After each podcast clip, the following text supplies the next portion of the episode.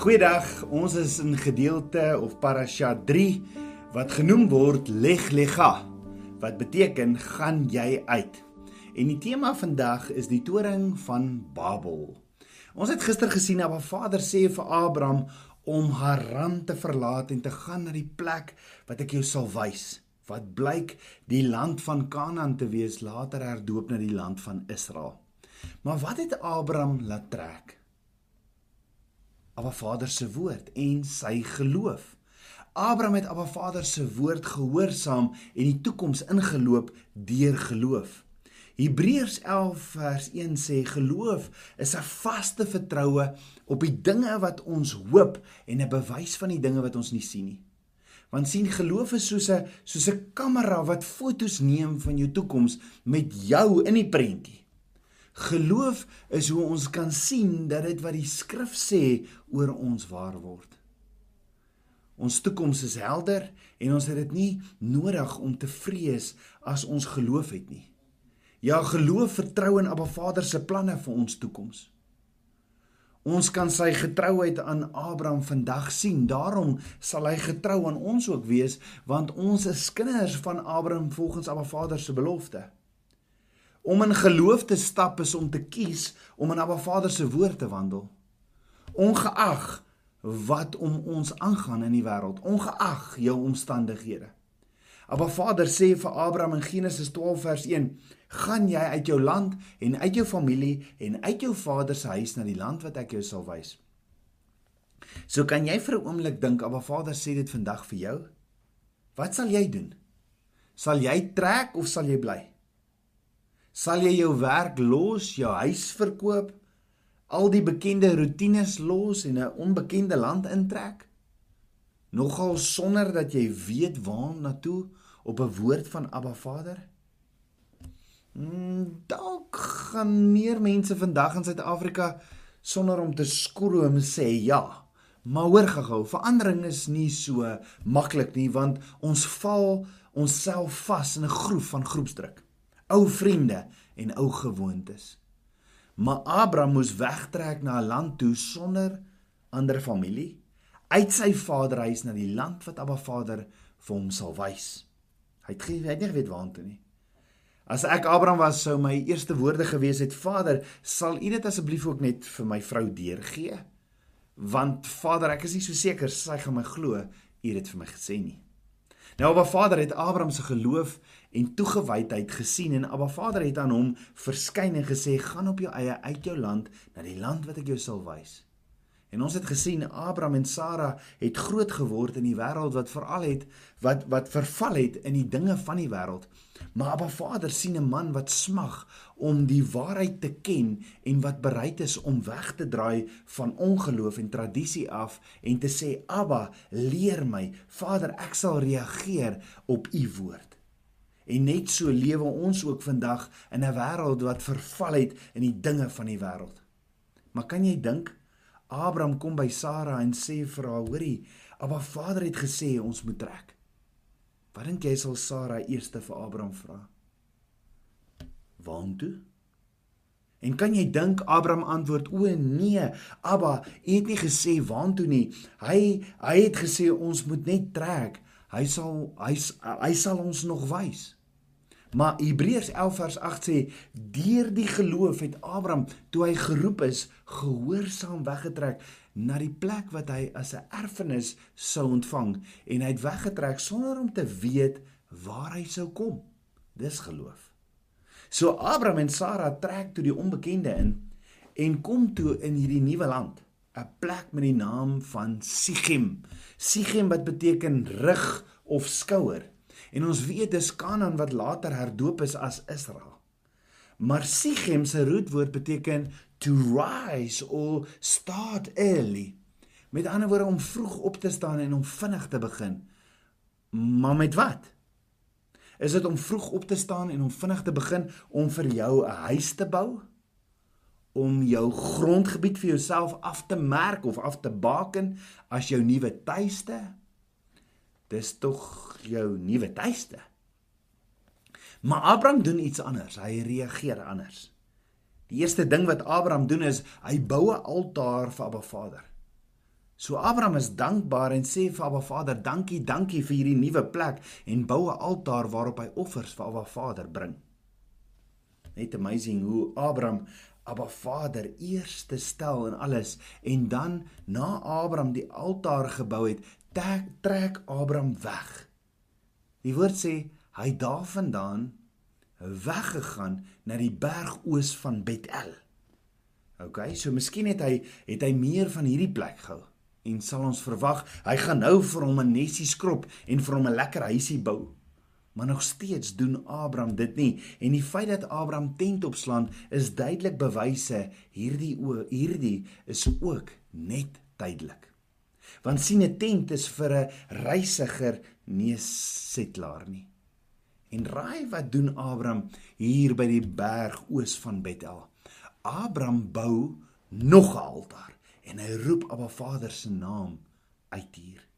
Met ander woorde, Abraham het nooit op 'n plek gekom waar hy dinge vir homself gedoen het nie. Hy het in alles wat hy gedoen het, dit gedoen vir Abba Vader.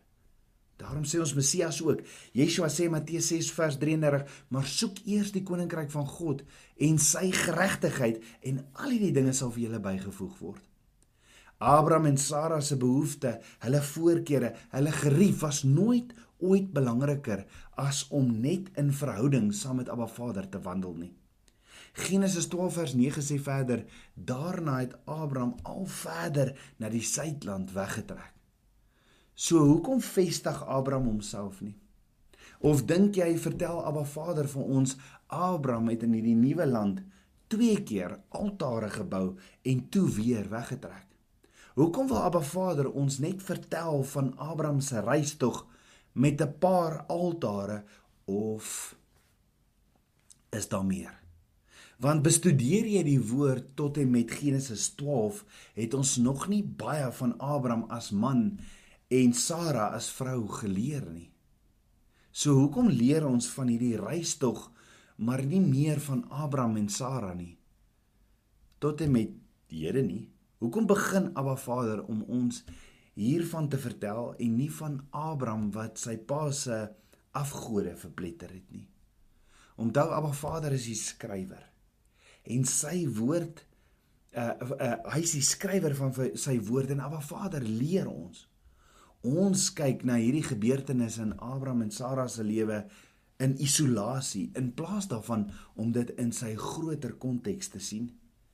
Jy sien, want so baie keer kyk ons nie na die hele konteks nie en as ons as ons net na die geselekteerde gedeeltes in die woord kyk sal ons perspektief waarskynlik waar wees maar net 'n element van die waarheid daarin en dan word die hele betekenis daarin verwring met ander woorde kan ek vra wat 'n groot gebeurtenis na Ba Vader se woord het voor hierdie storie van Abraham en Sara gebeur nog voor Abba Vader met Abraham begin praat het ja die toring van Babel. Nou ons weet Abba Vader het hemel en aarde geskep omdat Abba Vader 'n noue verhouding met die mens, met my en jou wou hê. En die rede hoekom ek en jy hier op aarde is, is omdat Abba Vader in verhouding, in samewerking met jou wil wees.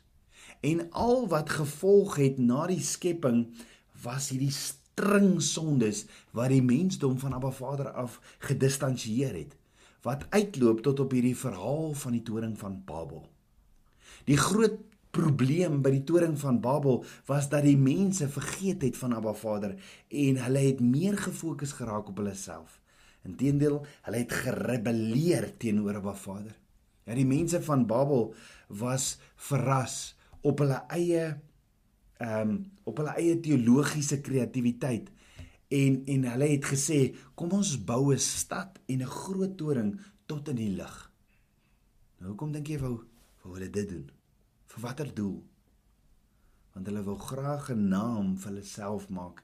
Die mense in Babel en die toringbouers was bang dat hulle vergeete sou word. En in plaas daarvan om te bou op hulle verhouding met Abba Vader en doodgaan aan hulle self, het hulle hulle self begin aanbid en op die altaar van hulle eie kreatiwiteit het hulle dit begin bou en dit het veroorsaak dat hulle 'n toring bou vir hulle eie nalatenskap.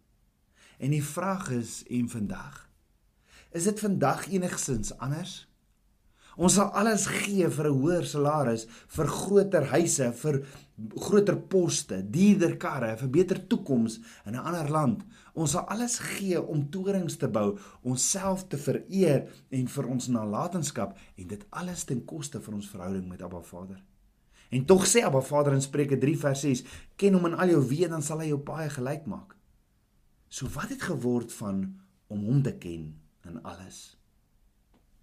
Maar kyk gou wat gebeur wanneer Abba Vader ons kom leer en hy hierdie storie van die toring van Babel met Abraham en Sara se reistog vergelyk.